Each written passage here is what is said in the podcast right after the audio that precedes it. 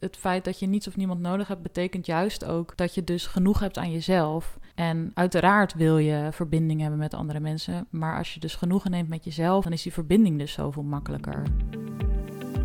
Fijn dat je luistert naar de podcast van de Liefdesbrigade.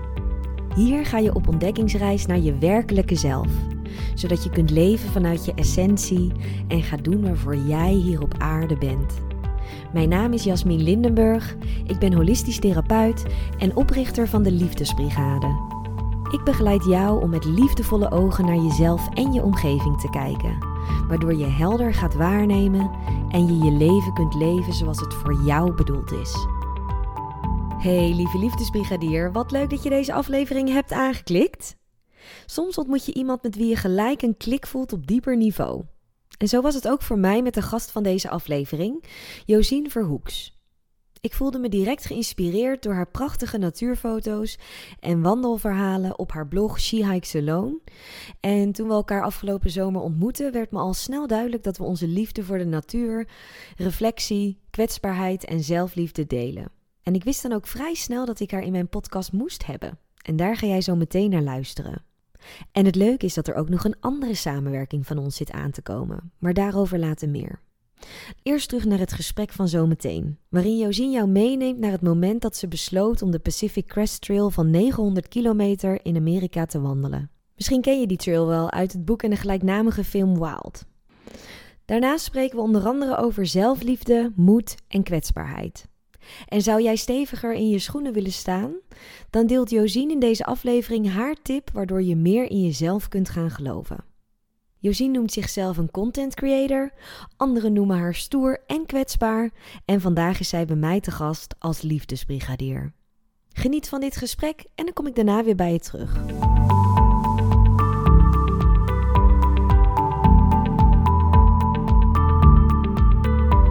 Wat betekent zelfliefde voor jou? Oeh, dat is. Uh, ja, altijd als iemand me dat vraagt. Niet dat iemand dat heel vaak vraagt, maar als ik erover nadenk, dan vind ik dat ook wel pijnlijk of zo. Omdat ik er wel merk dat ik er nog niet ben of zo helemaal. Ik denk, oh ja, zelfliefde, ja, super belangrijk. En um, ik denk echt wel de kern van het leven of zo. Dat, dat is waar je op een gegeven moment ik weet niet, ik denk dat het wel de kern van geluk is. Dat als je op een gegeven moment dat hebt bereikt, zo zie ik dat, hè, een soort van um, stip op de horizon, maar dat maakt al meteen um, het pijnlijke feit dat ik daar dus nog niet ben, omdat het dus nog een stip op de horizon is of zo. Um, ja, ik merk dat het wel beter gaat, maar wat dat is voor mij, dat is gewoon jezelf accepteren, compleet accepteren hoe je bent en niet jezelf bekritiseren om wat je niet bent. En um, ja, ook gewoon jezelf mogen zijn van jezelf. Klinkt dat raar? nee, klinkt hartstikke mooi. ja. ja. En hoe ziet dat er dan praktisch uit voor jou? Nou, gewoon in de kleine dingen, denk ik, in het dagelijks leven. Dat je dus uh, niet constant bezig bent met hoe, hoe, hoe, zie ik eruit of wat doe ik, is dit raar, wat zullen andere mensen van me denken dat je dat niet meer bezighoudt, zeg maar. Want je denkt van ja, ik ben gewoon genoeg en mensen nemen me maar zoals ik ben. En ik ben wel een beetje raar, maar ik ben niet super raar. Dus wat maakt het eigenlijk uit dat ik een beetje raar ben? Want iedereen is een beetje raar of zo. Dus mhm. dat zou in het dagelijkse leven zou dat gewoon zoveel energie schelen als ik niet constant bezig ben met oh nee, ik, ik heb weet ik veel, mijn haar zit, is te vet. Of uh, oh jee, ik heb niet uh, mooie schoenen aan vandaag. Of I don't know. Dat ik constant bezig ben met wat anderen van mij vinden. En niet wat ik eigenlijk van mezelf vind. Wat gewoon, ik ben af en toe best leuk, weet je wel. Ja, dat weet ik.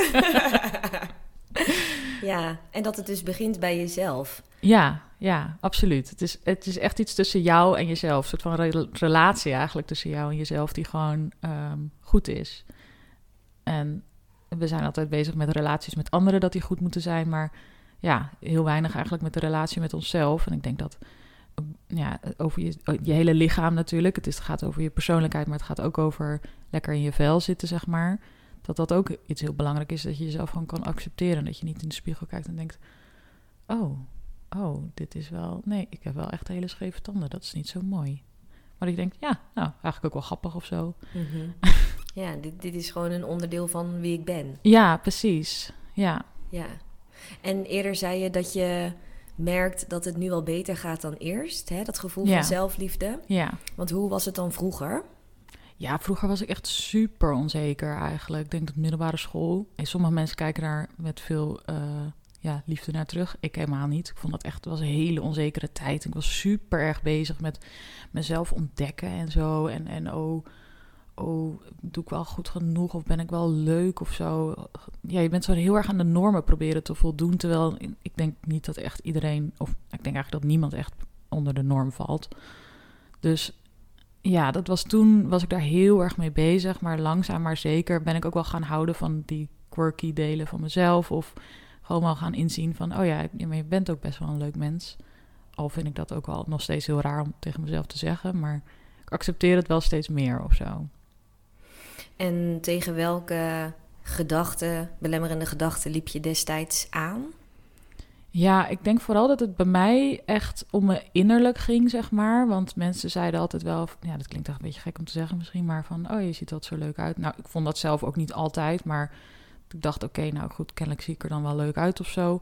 Maar als je dan een afwijzing krijgt, dan denk je, oh, maar, oh, maar dan zou ik wel me innerlijk niet zo leuk zijn, zeg maar. En voornamelijk dat, dat mensen, vinden mensen me wel aardig, ben ik wel leuk? Of, of oh, ik ben te lang stil geweest op een feestje of zo, of ik praat helemaal niet. Of ah, ik ben vast heel stom, mensen vinden me saai. Dat soort, eh, daar zat ik echt op, echt op dat innerlijk, eh, dat voor mij echt een, eh, een ding was. Ja.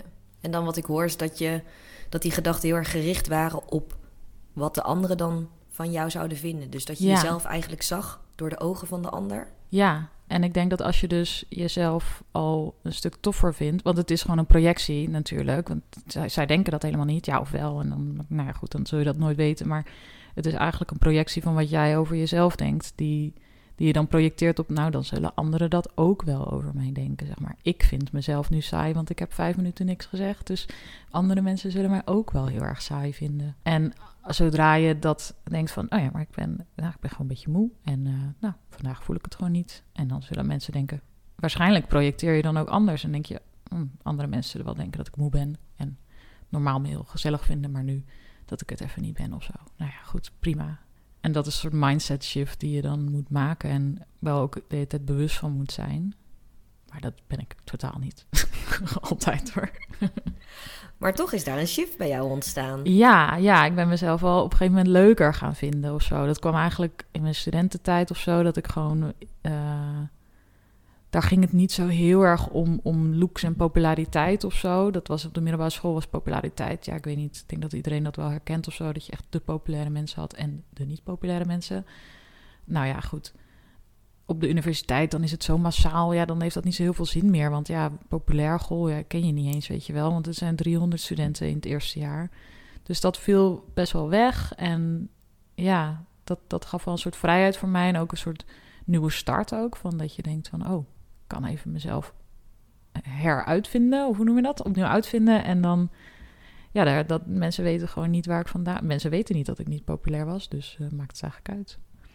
En wat hielp je dan in die tijd om de nieuwe jij naar de buitenwereld uit te dragen?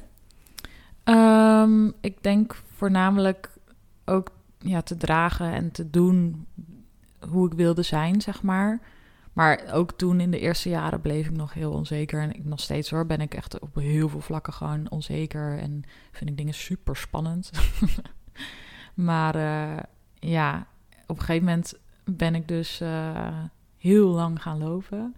En dat heeft voor mij me echt wel geleerd dat ik best wel in staat ben om dingen te doen. En, en heb ik zoveel over van, ja, van mezelf geleerd. En ik voel mezelf daarna ook heel stoer. En iedereen zei dat ook, oh, ben je een stoer dat je dit durft. Dat is voor mij wel een grote ommekeer geweest eigenlijk. Dat was voor mij echt een soort van, echt een nieuw startschot van, oké, dit, eh, dit helpt me heel erg om meer van mezelf te houden. Want ik, ik vond mezelf ook best wel stoer. En ik ineens, oké, ik weet niet of dit, eh, ja, ja. Wat wilde je zeggen? Ja, ik weet niet. Ik was even, even mijn train of thought was gewoon helemaal weg. Ja. Ja, Nou ja, zodra je zei dat je heel lang ging lopen, zag ik gelijk een twinkeling in je ogen. Want vertel, wat, ja, wat gebeurde er in die periode? Hoe lang was dat geleden? Neem ons eens mee terug naar ja, dat oké. Eh, ik, uh, sowieso is het natuurlijk een beetje gek. Waarom ga je heel lang lopen? Ik, uh, ik ben in 2016 900 kilometer gaan lopen in Amerika op de Pacific Crest Trail. Voor mensen die de film Wild hebben gezien. Ehm, dat is die, dat pad. Dat is een lange afstandswandeling die eigenlijk van de grens van Mexico naar de grens van Canada loopt. En nou, dat is ontzettend lang. En ik heb daar een deel van 900 kilometer van gedaan. Wat nog steeds ook heel lang is. Maar, um, en ik ben dat eigenlijk gaan lopen omdat ik dus ja, ik liep heel erg tegen mezelf aan op een gegeven moment. Dus die onzekerheid, dat werd zo belemmerend ook. En ik had bovendien, uh, ben ik mijn vader verloren in mijn eerste studiejaar. En dat ja, had ook gewoon een enorme impact op me. En dat, dat verwerkingsproces vond ik gewoon heel moeilijk. Ook tijdens het studeren. Ik, stortte me dan gewoon volledig op mijn studie. En niet per se op het verwerken daarvan, want dat was gewoon veel te moeilijk. En op een gegeven moment liep ik gewoon tegen muren aan daardoor. In, in mijn onzekerheid, maar ook in, in dat, ja, in eigenlijk die, rouw uh, die ik had. En toen zag ik dus die film en dacht ik, wauw, dit is echt, uh, dit moet ik gaan doen eigenlijk. En toen heb ik besloten om, uh, ja, een kwart jaar naar Amerika te gaan en daar heel lang te gaan lopen. een ommetje te maken, zo noem ik het altijd. ja, een heel groot ommetje. Een heel dan. groot ommetje. Ja. En hoe oud was je toen? Uh, zo, 2016. Uh, dat is, ik, uh, ik weet het, 24? Oeh, dat was even rekenen hoor, 24 was 24. ik toen. Dus toen besloot je op je 24ste, ik ga dit lopen. Ja, ja, ja. En het klinkt alsof die reis, die wandeltocht, echt transformerend voor je was. Ja, dat was het ook. Want je bent helemaal op jezelf aangewezen. Ik, ik deed het alleen, dus uh, ja, de, je kan nie, van niemand op aan dan eigenlijk. Hoewel wel heel veel mensen die trail lopen hoor. Dus het is niet, als je niet alleen wil lopen, hoeft dat niet. Maar voor mij, uh, ben sowieso iemand die graag alleen is. Dus ja, dat vond ik dan ook wel prettig. Ik heb er ook soms wel bewust voor gekozen van... oké, nu wil ik juist echt alleen zijn... en echt even een paar dagen helemaal alleen lopen en kamperen. En, want je slaapt ook in een tent, zeg maar. Er is daar helemaal niks. Om helemaal diep in mezelf te gaan. Want dat merk ik wel met, met wandelen. En zeker in, in de wildernis wandelen... Waar, je, waar echt gewoon niks is en waar je op jezelf aan bent gewezen. Dat je dus heel diep in jezelf kan keren. Ik had dat echt nodig op dat moment. Dat ik even heel diep moest gaan graven en even alles, uh, alles netjes weer neerzetten in mezelf of zo. Dat het een rommeltje was.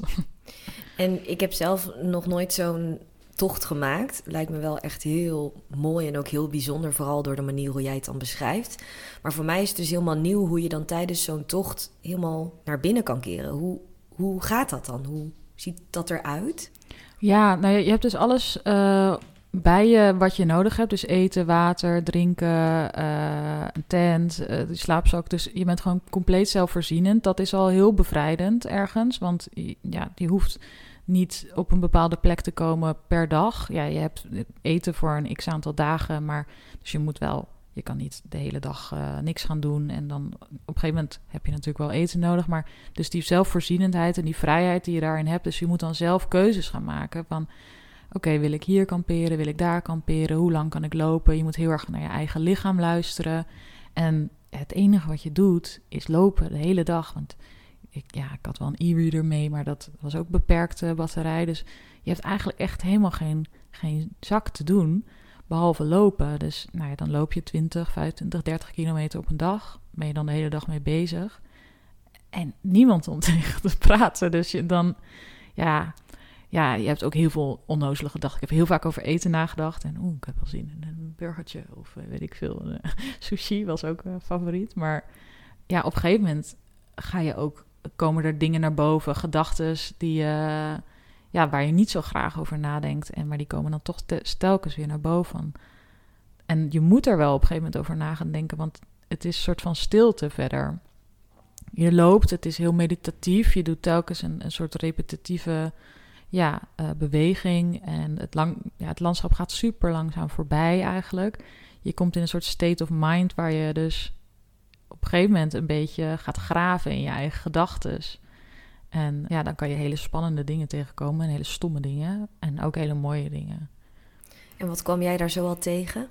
ja, heel veel boosheid ook wel. Mijn vader was dan overleden en, en maar ze waren ook, mijn ouders waren ook gescheiden en dat ging allemaal, dat was allemaal echt uh, niet zo heel goed geregeld. um, en, en ja, dat, die boosheid kwam dan naar boven en, en wel ook dat ik op een gegeven moment ja, echt huilend ergens omhoog liep, dan moest ik, eh, weet ik veel, duizend meter omhoog lopen. was echt een rot end. En ik hou al niet zo heel erg van omhoog lopen. En dan kom ook nog die gedachten naar boven. En dan zei echt zo balend en huilend stond ik daar op die stoffige helling. En ik dacht echt, wat doe ik hier? En, en waarom heb je mij uit huis gezet toen of zo? Weet je, dat, dat soort gedachten komen dan ineens naar boven. En dan schreeuwde ik dat zo naar de lucht. En dan, dan voelde ik ook wel dat, dat je er een soort gesprek over kon aangaan. Ook al was hij er natuurlijk niet meer.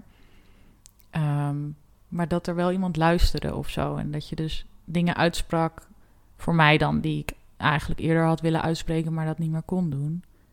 En uh, ja, het voelde wel alsof daar dan naar geluisterd werd. Hoe keerde je dan terug naar Nederland na die reis of na die tocht? Ja, ik voelde me echt. Uh, nou, ik zat alleen in het vliegtuig dan. Ik vloog heen met mijn moeder. Um, en dan toen hebben we daar nog een beetje gereisd. Maar ik vloog alleen terug. Dat vond ik al echt heel spannend. Ik had nog nooit alleen gevlogen. En zeker niet zo lang. En ik zat al in dat vliegtuig en ik voelde me zo rijk of zo aan ervaring. Ik dacht ook van wauw, ik, kom dan terug en ik voel me gewoon. Voel echt alsof ik de wereld aankom, zeg maar. En dat, in een sens kan dat ook. Want ik kon gewoon op mezelf vertrouwen. Ik kon gewoon zo'n tocht maken in mijn eentje. En ik had niets of niemand nodig, heb ik geleerd. En dat klinkt normaal altijd heel erg van, van oh ja, dan, stel je je boven andere mensen of zo. Maar dat vind ik niet. Het feit dat je niets of niemand nodig hebt, betekent juist ook dat je dus genoeg hebt aan jezelf. En uiteraard wil je verbinding hebben met andere mensen. Maar als je dus genoegen neemt met jezelf al, dan is die verbinding dus zoveel makkelijker. Ja, want dat is eigenlijk de basis. Als je genoeg hebt aan jezelf, dan kun je eigenlijk alleen maar verbindingen met anderen aangaan vanuit overvloed. Ja, precies. En, en dus het feit dat ik merkte dat ik niks en niemand nodig had, was van je, voor mij juist een soort van ja, rijkdom of zo. Uh, dat ik dacht, oké, maar ik kan overal in de wereld vrienden maken. Dus, en ik kan overal in de wereld verbindingen aangaan die, die ja, waardevol zijn. En dat was voor mij gewoon echt een, een ja, iets wat ik heel erg nodig had op dat moment. En uh, ja, ik merkte ook wel dat als ik dan weer terug was in het normale leven... en ik moest iets spannends doen, weet ik veel. Uh, iemand spreken over iets wat helemaal niet leuk was... Of, of, of dat ik een presentatie moest geven. Echt hele mundane dingen, om het zo maar te zeggen. Dat ik dacht van, ja, maar Joost... Uh, je hebt 900 kilometer gelopen in het wild. Dit kan je ook wel. en dan dacht ik, ja, ja, dat is ook wel zo. Laten we dit gewoon even doen. En een bekende uitspraak, ik zei het net voor de podcast al even tegen jou, is uh, the trail provides. Dat is dus uh, iets wat veel gezegd wordt in de trail community. Dus is ook een grote community van alle mensen die zulke lange afstandswandelingen lopen. En de trail provides betekent eigenlijk dat alles wat je nodig hebt wel op je pad komt, zeg maar. En dat moet ik mezelf nog steeds af en toe herinneren. Want uh, af en toe denk, wil ik te veel de touwtjes in handen nemen. Maar af en toe moet je ook gewoon loslaten en, en weten dat het gewoon goed komt. En dat is ja, denk ik ook een soort stukje zelfliefde dat je genoegen neemt met hoe je bent en dat het allemaal wel goed komt of zo. Ja, dat je daar vertrouwen in hebt en dat je je daaraan kan overgeven. Ja, dat er niet per se heel veel hoeft te veranderen. Um, natuurlijk moet je altijd blijven groeien en, en eh, meer over jezelf blijven leren en zo. En dat je, je moet niet stil gaan staan, maar ik denk wel dat je niet heel krampachtig ook uh, soms dingen probeert te veranderen. Dat, daar ben ik wel, heb ik wel een handje van af en toe. Ik denk ik wil precies weten wat ik over een half jaar ga doen. en dat dat eigenlijk uh, helemaal niet hoeft. Dat altijd alles op je pad komt wat je nodig hebt. En dat de trail, en of je dat nou letterlijk neemt, de trail of, of het, het, het levenspad, dat het altijd wel goed komt. En wat is er dan allemaal op jouw pad gekomen sinds je die eerste tocht hebt gemaakt? Ja, ik, uh, sowieso heb ik mijn camera opgepakt toen ik uh, die trail ging lopen. Dus ik heb toen een hele dure camera gekocht en dacht ook, oh, heb ik dit wel nodig? En ik vond sowieso, ben ik altijd van het tekenen geweest en, en fotograferen vond ik ook altijd leuk. Maar dit was dan wel next step. Dus dat dacht, ja, ik wil dit gewoon echt vastleggen. En ik merkte toen van, ik vind het echt super leuk en ben hier ook best, best goed in. Mensen reageerden van, wow, wow wat super mooie foto's ja, toen ging het balletje een beetje rollen en, en ben ik een beetje in mijn Instagram. En toen dacht ik van ja, ik vind het eigenlijk ook wel heel leuk om te schrijven. Ik hou ook heel erg van schrijven over wat ik heb beleefd en zo. En eh, ja, een blog heeft me altijd wel heel erg getrokken. Dus op een gegeven moment dacht ik van, eh, ik ga gewoon een blog starten. En dat was eerst nog heel vaag, gewoon voor mijn eigen. En dat dacht ik gewoon foto's en verhalen of zo. Maar dat begon steeds meer vorm te krijgen in van... oh, ik wil ook andere vrouwen voornamelijk inspireren... om ook alleen op pad te gaan. En ook uh, van die lange afstandswandelingen te lopen in een eentje. Want zoveel vrouwen zeiden tegen mij... wauw, wat stoer dat je dit durft. Ik durf dit niet. En ik dacht van, ja, maar ik ben helemaal niet zo stoer. Of in ieder geval, ben niet stoerder dan jij. Ik denk namelijk dat iedereen dit kan... Maar dat ze wel een beetje in zichzelf moeten geloven, zeg maar. En wat is er dan voor nodig om in jezelf te geloven? Oeh, ja, dat is wel heel, heel lastig. Ik denk wat voornamelijk, ehm, ja, wat ik mezelf probeer aan te houden, is dat het oké is om bang te zijn, zeg maar. Dat dat niet per se een zwakte is. Uh, en ik denk ook zeker dat kwetsbaarheid absoluut geen zwakte is. Ik denk juist dat het erkennen van die emoties en het erkennen van ik ben nu kwetsbaar, ik vind dit eng. En het gaan onderzoeken van oké, maar wat is er precies wat je eng vindt? Is het het alleen slapen of is het het, weet ik veel, dat er slangen of beren zijn? Of is het juist helemaal in je eentje zijn? En dan dat gaan onderzoeken van waarom vind ik dat eng? Wat zou je dan willen adviseren aan een vrouw die daar dan nu tegenaan loopt? ja, ik zou toch zeggen van ga het opzoeken. En misschien begin klein, hè? want ik ben zelf niet uh, ineens 900 kilometer gaan lopen. Vroeger deden wij heel veel huttentochten. Dus ik was al veel in de bergen. Ik had daar, dat was niet mijn angst. Ik wist gewoon dat ik wist hoe de bergen werkten. Ik wist veel over dat ik gewoon mijn voeten kon vertrouwen en, en dat soort dingen. Ik had nog nooit alleen in een tent geslapen in de middle of nowhere. En ik had nog nooit zoveel spullen meegenomen. Dus maar dat zijn dingen die je allemaal kan onderzoeken. En ik denk ook, begin gewoon lekker klein. Ga dan voor het eerst een huttentocht lopen waar je gewoon nou, drie dagen weg bent. En dan kijkt van oké, wat vind ik eng? Ik vind misschien alleen zijn eng. Laat ik dan gewoon een keer alleen een wandeling gaan maken. Um, met een overnachting. Joh, het kan gewoon een Airbnb zijn. Het maakt ook helemaal niet uit. Maar dat je dat toch opzoekt of zo. Dat je je eigen grenzen verlegt. En dan kom je er vaak achter van, oh ja, was eigenlijk helemaal niet zo heel eng. En die kwetsbaarheid daarin, dat vind ik juist heel mooi, want ik denk dat daar heel veel in zit om, om van jezelf van te leren. Ja, terwijl je dit zegt, komt ook de uitspraak: There's nothing to fear but fear itself in mij omhoog. Ja, ja. Dat vaak de gedachte over de angst groter is dan ja, het gevoel dat opkomt als je datgene waar je bang voor bent daadwerkelijk gaat doen. Ja, en dat is ook zo. En ik denk dat juist als je dat soort dingen opzoekt en je hoeft niet meteen helemaal in het diepe te duiken, maar maak het klein voor jezelf. Dat je denkt, oké, dit vind ik nog net behapbaar, eng, maar net behapbaar. Dan zijn dat makkelijke stapjes die je kan zetten om jezelf te laten groeien en, en ja, iets te doen waar je misschien wel heel veel behoefte aan hebt, of waar je denkt van, oh, dat is echt mijn droom, maar ik durf het niet. Want dat is echt zonde. Als je dat dan onbeantwoord laat. En dat je dan later op je leven terugkijkt dat je denkt: ja, ik had dit eigenlijk willen doen, maar ik durfde het niet. Is dat ook wat je had met je blog? Dat je echt voelde: dit is een droom van mij en ik wil hiervoor gaan, want dit gaat mij heel veel brengen en mij gelukkig maken?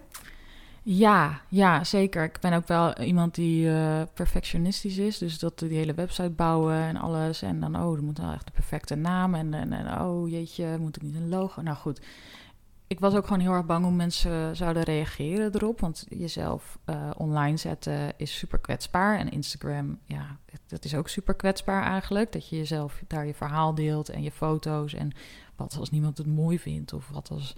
Het is, ja, het is makkelijk om kritiek te leveren vanuit een, vanuit een beeldscherm. Dus daar was ik heel erg bang voor. Um, dus dan probeerde ik het altijd maar perfect te maken. En ja, dat het allemaal gewoon goed eruit zag. Dus dat er niemand kon kritiek leveren dan.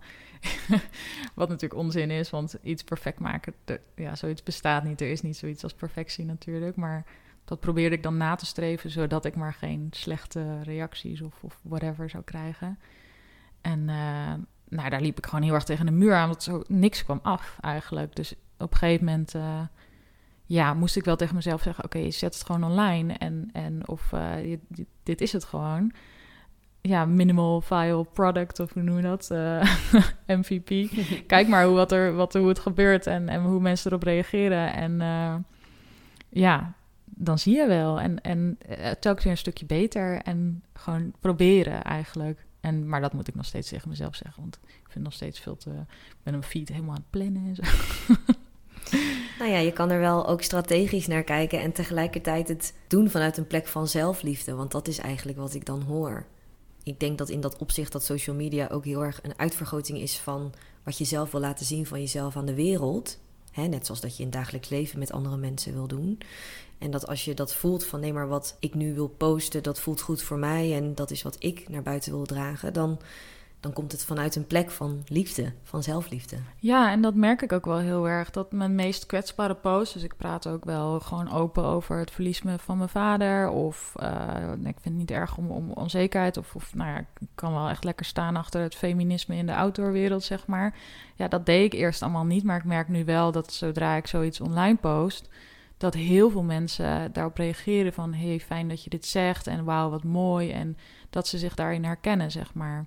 En wat voor dingen zeg je dan bijvoorbeeld? Um, nou ja, bijvoorbeeld het verlies van mijn vader, daar heb ik het dan over. Dat gewoon überhaupt over dat soms het leven gewoon kut is. Of dat in mijn stories zeg ik ook wel eens van, uh, joh, ik voel me gewoon niet zo lekker. Ik ben even wat stiller. Uh, het gaat gewoon niet zo goed. Ik hoop dat jullie dat het oké met jullie gaat. Het zijn natuurlijk rare tijden nu. En dat mensen zeggen van, oh ja, wat fijn dat je dit even zegt. Want, en ook wat echt, zeg maar. Dat is het denk ik meer, dat, dat Instagram en social media kan heel snel. Oh, alles is leuk bij iedereen en alles is mooi en iedereen heeft zo'n geweldig leven. Maar dat is natuurlijk helemaal niet zo. Dus ik probeer ook de minder leuke kanten soms van het leven daarin in te laten zien. Ik vind dat zelf nog steeds ook heel moeilijk hoor. Maar ja, probeer het gewoon wel af en toe te doen en wel echt te blijven. En ook te schoppen tegen de norm af en toe. Uh, zoals in de outdoorwereld is het vooral veel ja, veel, veel mannelijke energie. Uh, het gaat heel erg over de top bereiken. En, en ja, echt uh, de statistieken om het zo zo snel mogelijk, zo hard mogelijk, zo goed mogelijk. Um, ja, daar geloof ik zelf gewoon niet in. Ik geloof heel erg in, het, in de innerlijke reis die je in de outdoorwereld kan uh, ervaren. En, en wat de natuur kan brengen, juist voor je innerlijk en je innerlijke groei. En ja, de rust die je ook daarin vindt, in het buiten zijn. En begrijp ik dan goed dat dat wel echt een minderheid is die daar ook zo naar kijkt? Ik denk niet dat een minderheid is die er zo naar kijkt. Maar ik denk wel dat um, de, de grote bedrijven en dat die, ja, als je kijkt naar wat voor soort verhalen de, of wat voor soort foto's of wat voor soort uh, mensen er op foto's staan van, weet ik veel, de Noordface of zo. Dat je gewoon, het zijn altijd dezelfde soort mensen of zo. En het gaat altijd over hetzelfde verhaal van, um, ja, met deze jas kan je de bergen bedwingen of zo, weet ik veel. En niet van helemaal in, tot rust komen. En dat verschuift wel hoor. Dat merk ik ook heel erg. Uh, dat die verschuiving wel plaatsvindt. Maar nog steeds gaat het over uh, meer de mannelijke energie. En uh, ja, fit zijn ook. Fit zijn is ook heel erg van... oh, als je niet fit bent, dan hoor je hier niet. Dat zal niemand tegen je zeggen. Maar toch krijg je dat gevoel soms wel. En merk je dat dan ook in de bergen zelf? Bij de mensen die je dan onderweg ontmoet?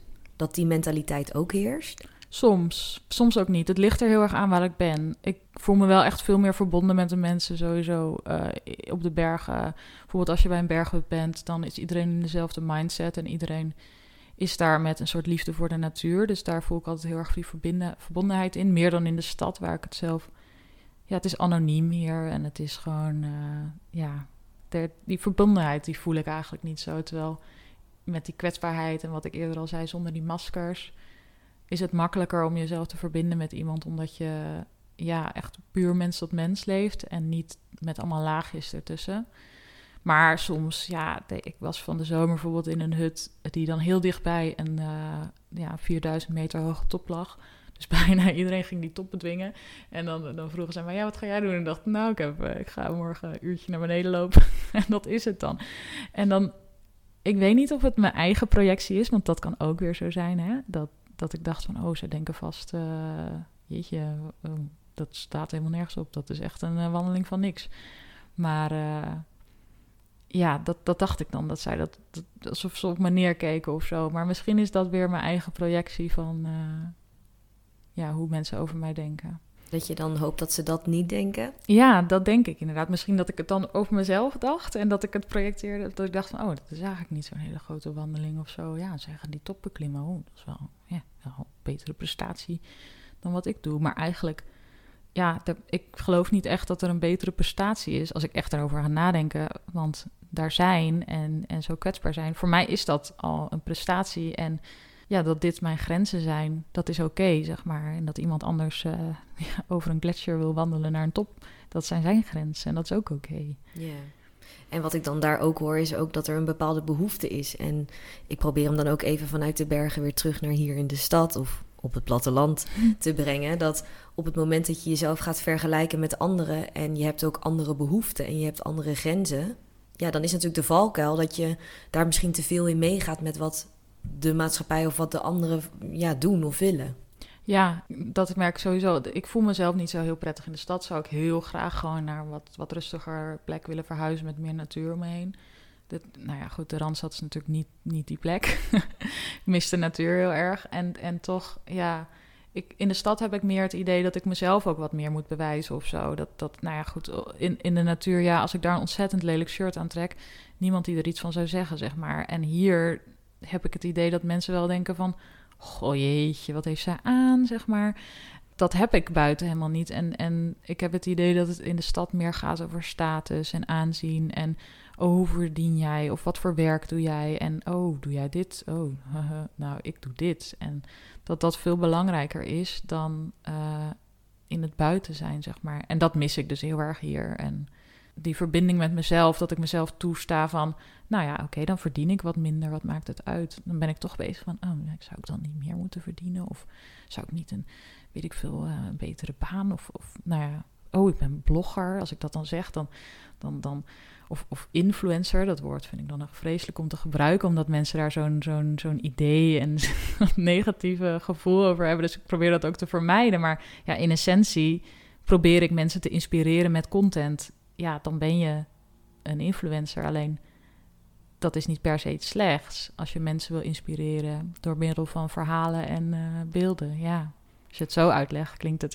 gewoon heel logisch. Ja, je kan ook niet alle influencers over één kam scheren natuurlijk. Iedereen heeft ook weer zijn eigen manier. En uh, ja, misschien dat het woord inspirator dan beter voor je klinkt. Ja, ja ik vind content creator kan ik altijd wel mee leven of zo. Ja. ja, ja, ik vind het fijn om content te maken en, en mooie beelden en verhalen neer te zetten. Ja. En je gaf eerder al aan dat je het daarbij belangrijk vindt dat kwetsbaarheid dan echt naar voren komt. En dat ook die verbinding voor jou belangrijk is. Ja, ja, want ik denk dat op social media zeker wat meer echtheid. En ik denk dat kwetsbaarheid is een deel van echtheid. Het is een deel van echt jezelf tonen. Als je kwetsbaar durft te zijn, dan durf je dus delen van jezelf te tonen die ja, normaal een beetje bang zijn. Ik denk dat, of een beetje eng zijn om te laten zien. Ik denk dat dat uh, ja, belangrijk is. Dat mensen zich kunnen identificeren. En automatisch schept dat een soort van band uh, met mensen. Dat, dat merk ik nu heel erg online. Dat mensen gewoon, als ik dat soort dingen post, meer connectie met me zoeken dan als ik iets heel generieks post over wat voor soort jassen of zo. Je kan jezelf identificeren in elkaar omdat je mens bent, zeg maar. En, en ik denk dat kwetsbaarheid je mens maakt. En offline, welke rol speelt kwetsbaarheid in je dagelijks leven? Ik ben sowieso een heel open persoon. Dat heb ik wel moeten leren ook wel. Met het verlies van mijn vader heb ik wel gewoon... Ik was helemaal niks... Ik, als, als tiener, nee, ik, ik praatte echt niet over mijn gevoelens. En praten sowieso thuis, dat vonden we allemaal heel spannend en zo. Dus dat heb ik wel echt moeten leren om, om over mijn gevoelens te praten. En ja, dat gaat nu echt heel goed. Ik ben daar niet meer bang voor. Natuurlijk, ja, ik ben ook echt een huilenbalk af en toe. Maar goed, dat heb ik dan ook maar voor mezelf geaccepteerd. Ik weet, oké, ik ga nu gewoon huilen, openbaar. Nou ja, goed, jammer dan. Huilen is natuurlijk ook gewoon een menselijke emotie. Ja, maar zo'n, zo'n ik weet niet, ik voel dan altijd, oh, gênant. Weet je wel, oh nee, iemand ziet me huilen, gênant. Terwijl ja, ja, mensen zijn ook boos in het openbaar. Dan denk je niet, oh, nou, soms is dat wel een beetje gênant, maar... Nee, maar ik snap het wel. Er heerst ook ergens een, uh, een uh, gedachtegang, uh, denk ik, in, gewoon in het algemeen... dat verdriet tonen, dat huilen, dat doe je niet of zo. Ja, maar dat is dus het, het het verdriet tonen en huilen is een deel kwetsbaar zijn. Dan laat je een heel kwetsbaar deel van jezelf zien. En dat wordt gezien als dan ben je zwak of zo. En terwijl boos, boosheid bijvoorbeeld is juist een krachtige emotie. En dat wordt gezien alsof je dan sterk bent of zo. Terwijl ik denk dat dat juist heel erg ehm, omgekeerd is. Ik denk dat juist als je je kwetsbaar durft te tronen, dat je dus ook heel veel kracht hebt in jezelf. Dat je dat naar buiten durft te dragen en niet ergens ver weg in een hoekje in jezelf durft op te kroppen, dat vergt ontzettend veel moed. Zeker, absoluut. En ook met boosheid, ja, dat wordt dan gezien als een krachtige, sterke emotie. Terwijl onder die boosheid zitten ook weer verschillende lagen van emoties. Ja. En 9 van de 10 keer kom je daar ook weer verdriet tegen. Ja, juist. En dan is boosheid een makkelijkere emotie om te tonen dan, dan het verdriet dat er eigenlijk onder zit. Ja. En, en wat merk je dat het voor effect heeft dat je je kwetsbaar opstelt naar anderen? Ja, dat ik uh, daar een verbinding in krijg eigenlijk. Dat, dat omdat je kwetsbaarheid uh, toont, staan mensen ook meer open voor jou. Die, die, die denken. Ik, ik denk dat ze dat zien dat het oké is ook om dus kwetsbaar te zijn, waardoor zij ook weer kwetsbaar kunnen zijn. En ik denk dat daar dus juist de diepere verbinding ligt. Ik, ik denk dat iedereen wel weet dat als je boos bent op elkaar, dat je absoluut niet verbonden voelt met die persoon. En ik denk dat kwetsbaarheid een, iets is wat juist tegenovergestelde daarvan is. Is dat als je dat dus toont, dat je dat dus juist meer terugkrijgt. En ik denk juist dat kwetsbaarheid ook een soort van ja, liefde is voor jezelf. Dat je zegt van het is oké hoe ik me voel en het is waar en het is mijn waarheid en het mag er zijn, deze emoties. En daarom durf ik dit te tonen, want ik mag er zijn en mijn emoties mogen er zijn. En die liefde die je dan voor jezelf uh, hebt en laat zien en uit, dat mensen dat ook weer zien en dat dus ook weer uh, ja, kunnen geven. Of, of geven aan zichzelf of, of geven aan jou. Dat je er eigenlijk meer uit krijgt. Ja, en dan komt eigenlijk ook weer terug wat je aan het begin van dit gesprek benoemde: dat dat die volledige acceptatie van jezelf is. Ja. Dat alles er mag zijn. En als je dat ook bent in het contact met anderen, dan geef je hen eigenlijk ook de ruimte om ook dat te voelen bij zichzelf. En dat zorgt natuurlijk voor die verbinding, want dan op dat moment heb je allebei je hart open. Ja, ja zeker. En, en als jij zelf liefde toont, dan kan die ander dat ook tonen. En ook weer liefde voor jou en, en jij weer liefde voor, voor elkaar, zeg maar. Ja, dit sluit helemaal ook aan bij waar ik voor sta met de Liefdesbrigade. Helemaal mooi. Ja. Het is natuurlijk ook geen toeval dat je hier zo uh, nu te gast bent. Ja, en dit gevoel van die verbondenheid en van die kwetsbaarheid en je liefde voor de bergen en voor het maken van tochten, dat komt natuurlijk ook dan weer terug bij She Hikes Alone. Ja, absoluut. Dat is echt. Uh, het, het viel allemaal samen of zo. Ik weet niet. Als ik dan terugkijk, denk ik van ja, alles heeft, heeft geleid eigenlijk tot, tot dit punt. En, en het klopt gewoon heel erg met, met wie ik ben en wat ik wil. Ik vind het nog wel heel spannend om als soort van ja, uh, teacher um, door het leven te gaan. Of dat ik mensen probeer te beïnvloeden of mensen probeer te helpen of zo. Ik ben helemaal niet iemand die graag in de spotlight staat of die positie inneemt. Dus dat is heel nieuw voor me. Maar ik merk wel dat ik er heel veel ja, voldoening uit krijg. En wat zou je nog willen doen met Shiak Salon? Ja, oh, ik heb wel een paar ultieme dromen. Sowieso zou ik heel graag een boek uitgeven met, uh, met mijn verhalen en met mijn foto's. En uh, wat ook nog ooit op de planning staat, is om, om uh, reizen te organiseren met vrouwen. Om dan lange tochten te gaan maken. En ja, echt die verbinding aan te gaan met jezelf. Maar ook, ik zou het dan iets breder willen trekken. Ook dat je dus leert die tochten. Dat je nou ja, met de uitrusting en. en wat er allemaal bij komt kijken. Dus dat stapje angst voor het onbekende ook weg te nemen. Want dat is veel mensen die denken meteen van, nou maar ik weet niet, wat voor rugzak heb ik nodig of wat voor schoenen heb ik nodig. En dan wordt het al veel te ingewikkeld, waardoor mensen het niet doen. Dus echt die onzekerheid in ieder geval weg te nemen.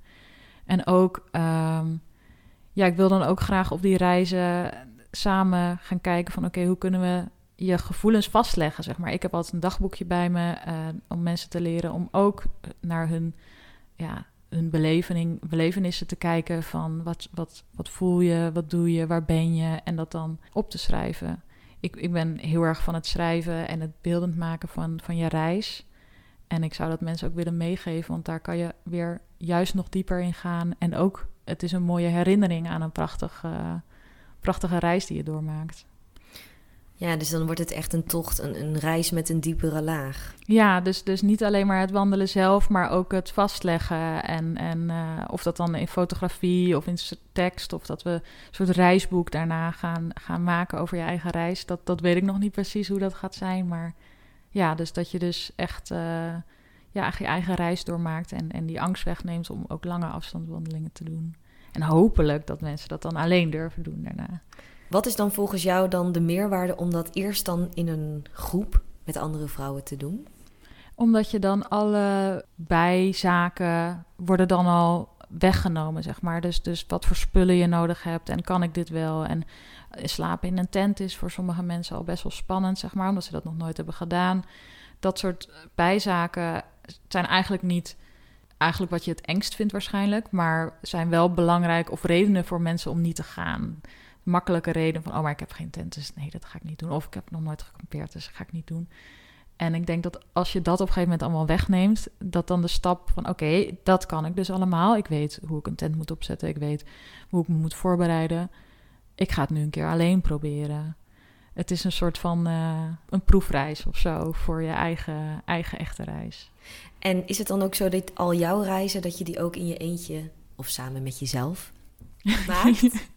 nee, zeker niet. En ik, ik denk ook niet dat je alleen maar met jezelf moet reizen hoor. Uh, ik, ik ben zelf best wel introvert, dus ik vind ook alleen zijn heel fijn. En sommige mensen zijn, zijn dat niet en dat is ook helemaal oké. Alleen denk dat het altijd goed is om momentjes voor jezelf te pakken, ook al ga je samen op reis. Dus ik geloof ook niet per se dat iedereen per se altijd alleen op reis moet gaan. Maar het een keer geprobeerd te hebben, geloof ik wel dat het voor iedereen heel goed is. Omdat je dan echt jezelf uh, op een keiharde manier leert kennen. Maar ik ga ook, ja, ik heb een vriend, dus dan een beetje sneu als ik alleen maar alleen op vakantie zou gaan. Ja, maar dus toch ook wel samen. Ook samen, zeker. Ja, want samen beleef je ook die avonturen die je dan weer kan ophalen, zeg maar. Ja. En als we die reis door de bergen weer even terughalen naar hier in de stad of op het platteland, hoe probeer je dan in de drukte van alle dag je eigen momentjes te pakken? Ik probeer wel echt elke dag even naar buiten te gaan en even te wandelen. En ook en dat vind ik moeilijk hoor, echt een natuur te vinden in de stad. Dus kijk, natuur is natuurlijk overal. En in essentie geloof ik ook dat de mens ook een deel natuur is, want daar komen wij eigenlijk vandaan. Maar er is heel veel natuur in de stad eigenlijk. Er is water, er is lucht, er, is, er zijn plantjes en zo.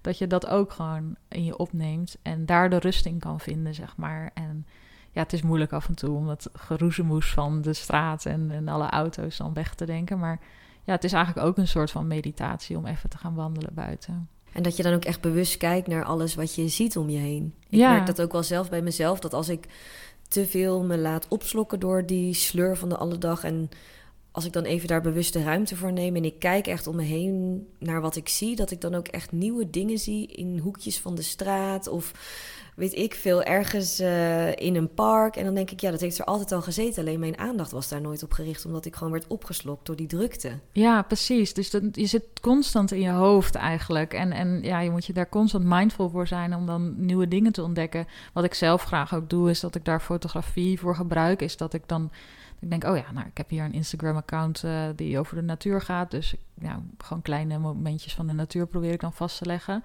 En terwijl ik daarmee bezig ben, omdat ik weet, ik wil dit graag vastleggen, ben je er ook echt naar op zoek, zeg maar. Dus dat vind ik dan, ja, dan zie je ineens een klimop die raar groeit, of een kat op het raam. Of ja, het zijn gewoon hele leuke dingetjes om te ontdekken in je eigen stad ook. En je kijkt ook, wat je zegt, ook heel anders naar de stad. Dat je denkt, wow, dat heb ik nog nooit gezien. Dat is stom eigenlijk, want het is echt... Of je vindt een hofje of zo, dat je denkt, waar was dit hier altijd al? Superleuk plekje. Ja. En je zei net ook dat je dan bijvoorbeeld een klimop ziet die dan raar groeit. Ik vind het wel leuk dat je dat zegt, want we hadden het natuurlijk eerder in dit gesprek er ook al over dat...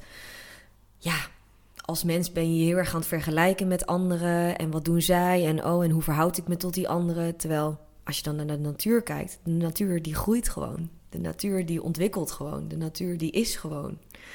Dus of de klimop nu naar links groeit of naar rechts groeit, het groeit gewoon. En ik vind dat wel echt een hele mooie spiegel voor hoe wij als mensen ook kunnen zijn. Ja, dat heb, je hebt ook wel zo'n uitspraak van uh, dat, dat ze zeggen van ja, bloemen die bloeien, die kijken niet naar, oh, deze bloem is eerder uitgekomen dan ik, dus ik kan niet meer bloeien of zo. Het maakt niet uit dat iemand al aan het bloeien is en jij nog niet, want jij gaat op een gegeven moment ook bloeien. En dat is, dan is het jouw moment, zeg maar. En niet dat je dan denkt, oh, maar, oh nee, maar ik ben te laat.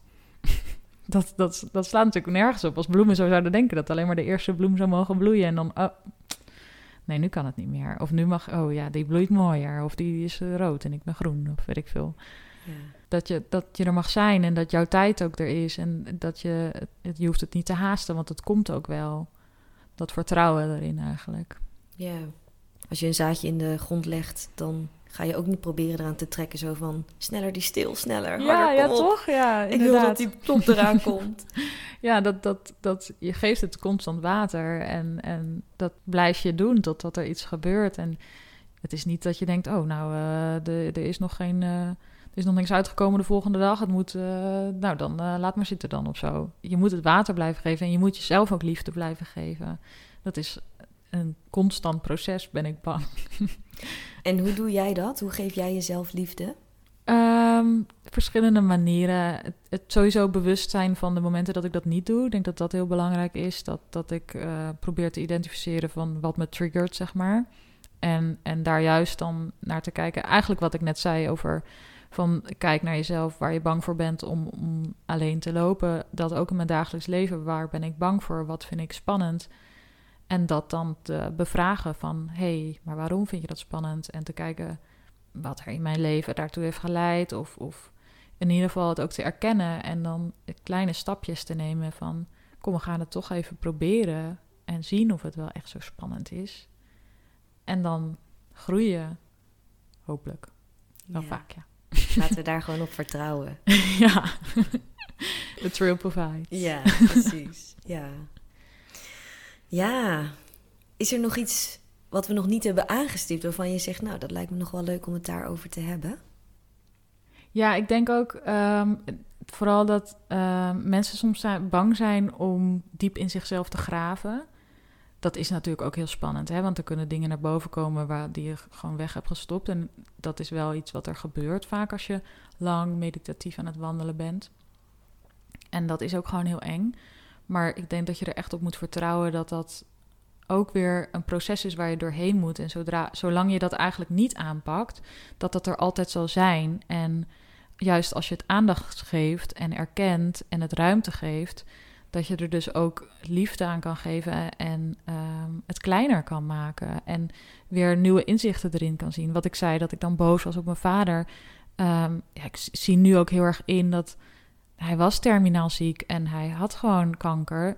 Hij zat ook in een hele lastige situatie. En ik realiseer me ook heel goed dat volwassen mensen ook niet. Ik ben, ik zou, ja, ik ben dan nu zogenaamd volwassen, maar ik maak echt niet alle goede keuzes. En ik weet dat hij dat ook niet heeft gedaan. Dus dan kan je daar weer met liefde naar kijken. En juist wordt het kleiner, dat, dat enge plekje. Terwijl als je het niet aandacht geeft, dan zal het altijd een heel eng plekje in jezelf zijn. Dus ik denk dat het juist goed is om af en toe helemaal diep in jezelf te keren en, en dat soort nare dingen omhoog te halen.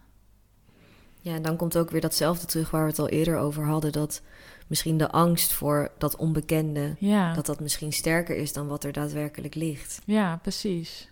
Ik denk dat je meer tools hebt in je, in je virtuele, niet virtuele, je psychische toolbox, om het zo maar te zeggen, je mentale toolbox, om dit soort dingen te. Je bent krachtiger dan je bent eigenlijk. Je, je kan dit soort dingen aan. Alleen, ja, je moet er wel aan gaan sleutelen. Ja, je mag er dan ook op vertrouwen dat het in die gradaties naar boven komt wat jij aan kan. Ja, Dat het misschien soms wel voelt alsof het te veel wordt of alsof het je bijna bij wijze van spreken overspoelt. Maar dat het wel in die mate komt wat jij aan kan. En dat, dat je dus meer aan kan dan dat je denkt. soms ga je onderuit. En dat is ook oké, want dat is ook een leermoment. Want dan leer je weer opstaan, zeg maar. En als het dan iets te veel is, ja, dan leer je weer het kleiner maken. Of je leert ermee dealen, of je leert stress. eh, weer, weer ja, hoe je om te gaan met stressvolle situaties. Het zijn allemaal, ja, je maakt je eigen toolbox dan weer groter. En, en je wordt dan mentaal, word je alleen maar sterker daardoor, denk ik. Ja, en dan is het belangrijk dat je daarvoor open staat. Dat je het kan zien als een les. Dat je er weer iets uit kan meenemen. Ja, zeker. Dat denk ik sowieso. Dat alles naar je wordt, wat je naar, ja, naar je wordt gegooid in het leven, dat dat sowieso een les voor je is. En als je ervoor kiest om er iets uit te leren, dan heb je er in ieder geval iets aan. En als je ervoor kiest om er niks uit te leren en, het, en ervan te balen, ja, ja, dan heb je eigenlijk een kans gemist of zo. Dus ik zou het maar beter gewoon lekker met beide armen grijpen en eh, er iets mee gaan doen. Ook al is dat echt super spannend. Maar wel gewoon doen. Gewoon doen. Wat is een les die je inmiddels hebt geleerd waarvan je had gewild dat je hem eerder had gekend? dat iedereen ook maar mens is. Iedereen is net als jij gewoon ook bang voor dingen en heeft ook zijn, zijn zwakke en kwetsbare momenten en is ook onzeker. En als je dat erkent, dan denk je, oh ja, iedereen is eigenlijk in essentie ook gewoon goed. Want dat denk ik wel dat de definitie van mens zijn is dat je in, in de kern ook gewoon goed bent. En als je dat ziet in een ander, dat je denkt, oh je bent mens, dus je bent goed. Dan kan je zoveel makkelijker met mensen praten. Ja, dan mag je ook je eigen onzekerheden laten zien, want ja, iedereen heeft die toch? Ja, jij bent ook gewoon een mens, dus jij bent ook gewoon goed met je onzekerheden. Ja, ja, perfectie in onze imperfectie, zeg maar. En daarin kan je juist heel erg verbinden van, haha, oh jij hebt dit, ik heb dit. Ja, en dat, dat zorgt dan weer voor herkenning en dan inderdaad weer die verbondenheid. Ja. Ik denk dat we hem dan zo wel uh, richting de afronding kunnen gaan. Ja, ik ben, uh, ben helemaal high van deze podcast. Ja, het is fijn hè, om zo te praten over beide onderwerpen. Ja, denk dat, wow, er kwamen diepe dingen naar boven. Ja, dat ja, ik dat in me had. Ja, nou dat heeft die trail dan toch wel met je gedaan, ja. Ja, joh. Die trails. Trails. Ja, ja, ja. ja. Welke trail staat nog op je to-walk lijstje? Ehm, grote droom is de Te Araroa in Nieuw-Zeeland. Die gaat dus over de twee eilanden heen. Maar dan heb, moet je ook wel weer een halfjaartje vrij voor nemen. Dus ik weet niet waar ik die tijd vandaan had. Maar eh, wat kleiner zou ik graag eh, de Koengsleden in, eh, in Zweden lopen. En wat trekt je daar zo in aan? Ja, het, het desolate landschap. In Europa is het toch wel vrij vol snel. Dat je veel bij steden komt en zo. En ik denk, ja, meer, meer in de Scandinavische landen is het toch vrij dun bevolkt. Ik hou wel echt van die, het gevoel van echt in de wildernis zijn. Neem ons vooral mee via je Instagram en je blog. Ja, ik ga jullie eh, natuurlijk allemaal meenemen op al mijn avonturen. Ja. Nou, aan het begin van dit gesprek vertelde je dat zelfliefde voor jou betekent dat je jezelf volledig accepteert met alles wat er in je zit, alle delen die jou maken tot wie jij bent. En de laatste vraag van dit gesprek is altijd: op welke manier verspreid jij liefde? Ja, wat ik eigenlijk al heb benoemd, door zelf kwetsbaar te zijn en te laten zien dat dat oké is. En, en ook op social media dus ehm, die kwetsbaarheid te tonen en het echte leven ook laten tonen van hey, imperfecties zijn eigenlijk gewoon prima. Dat mag er zijn. Mooi. Dankjewel voor dit fijne gesprek. ik vond het superleuk dat je hier was. Ja, ik vond het ook heel leuk. Ben jij er klaar voor om jouw werkelijke zelf te zijn en te leven vanuit je essentie? Inzicht zonder handeling brengt geen verandering. Boek daarom nu een matchgesprek waarin we samen kijken naar hoe jij je leven kunt leven zoals het voor jou bedoeld is. Je boekt jouw matchgesprek via de link in de show notes of op deliefdesbrigade.nl slash matchgesprek. Laten we samen de wereld lichter maken en liefde verspreiden door liefde te zijn.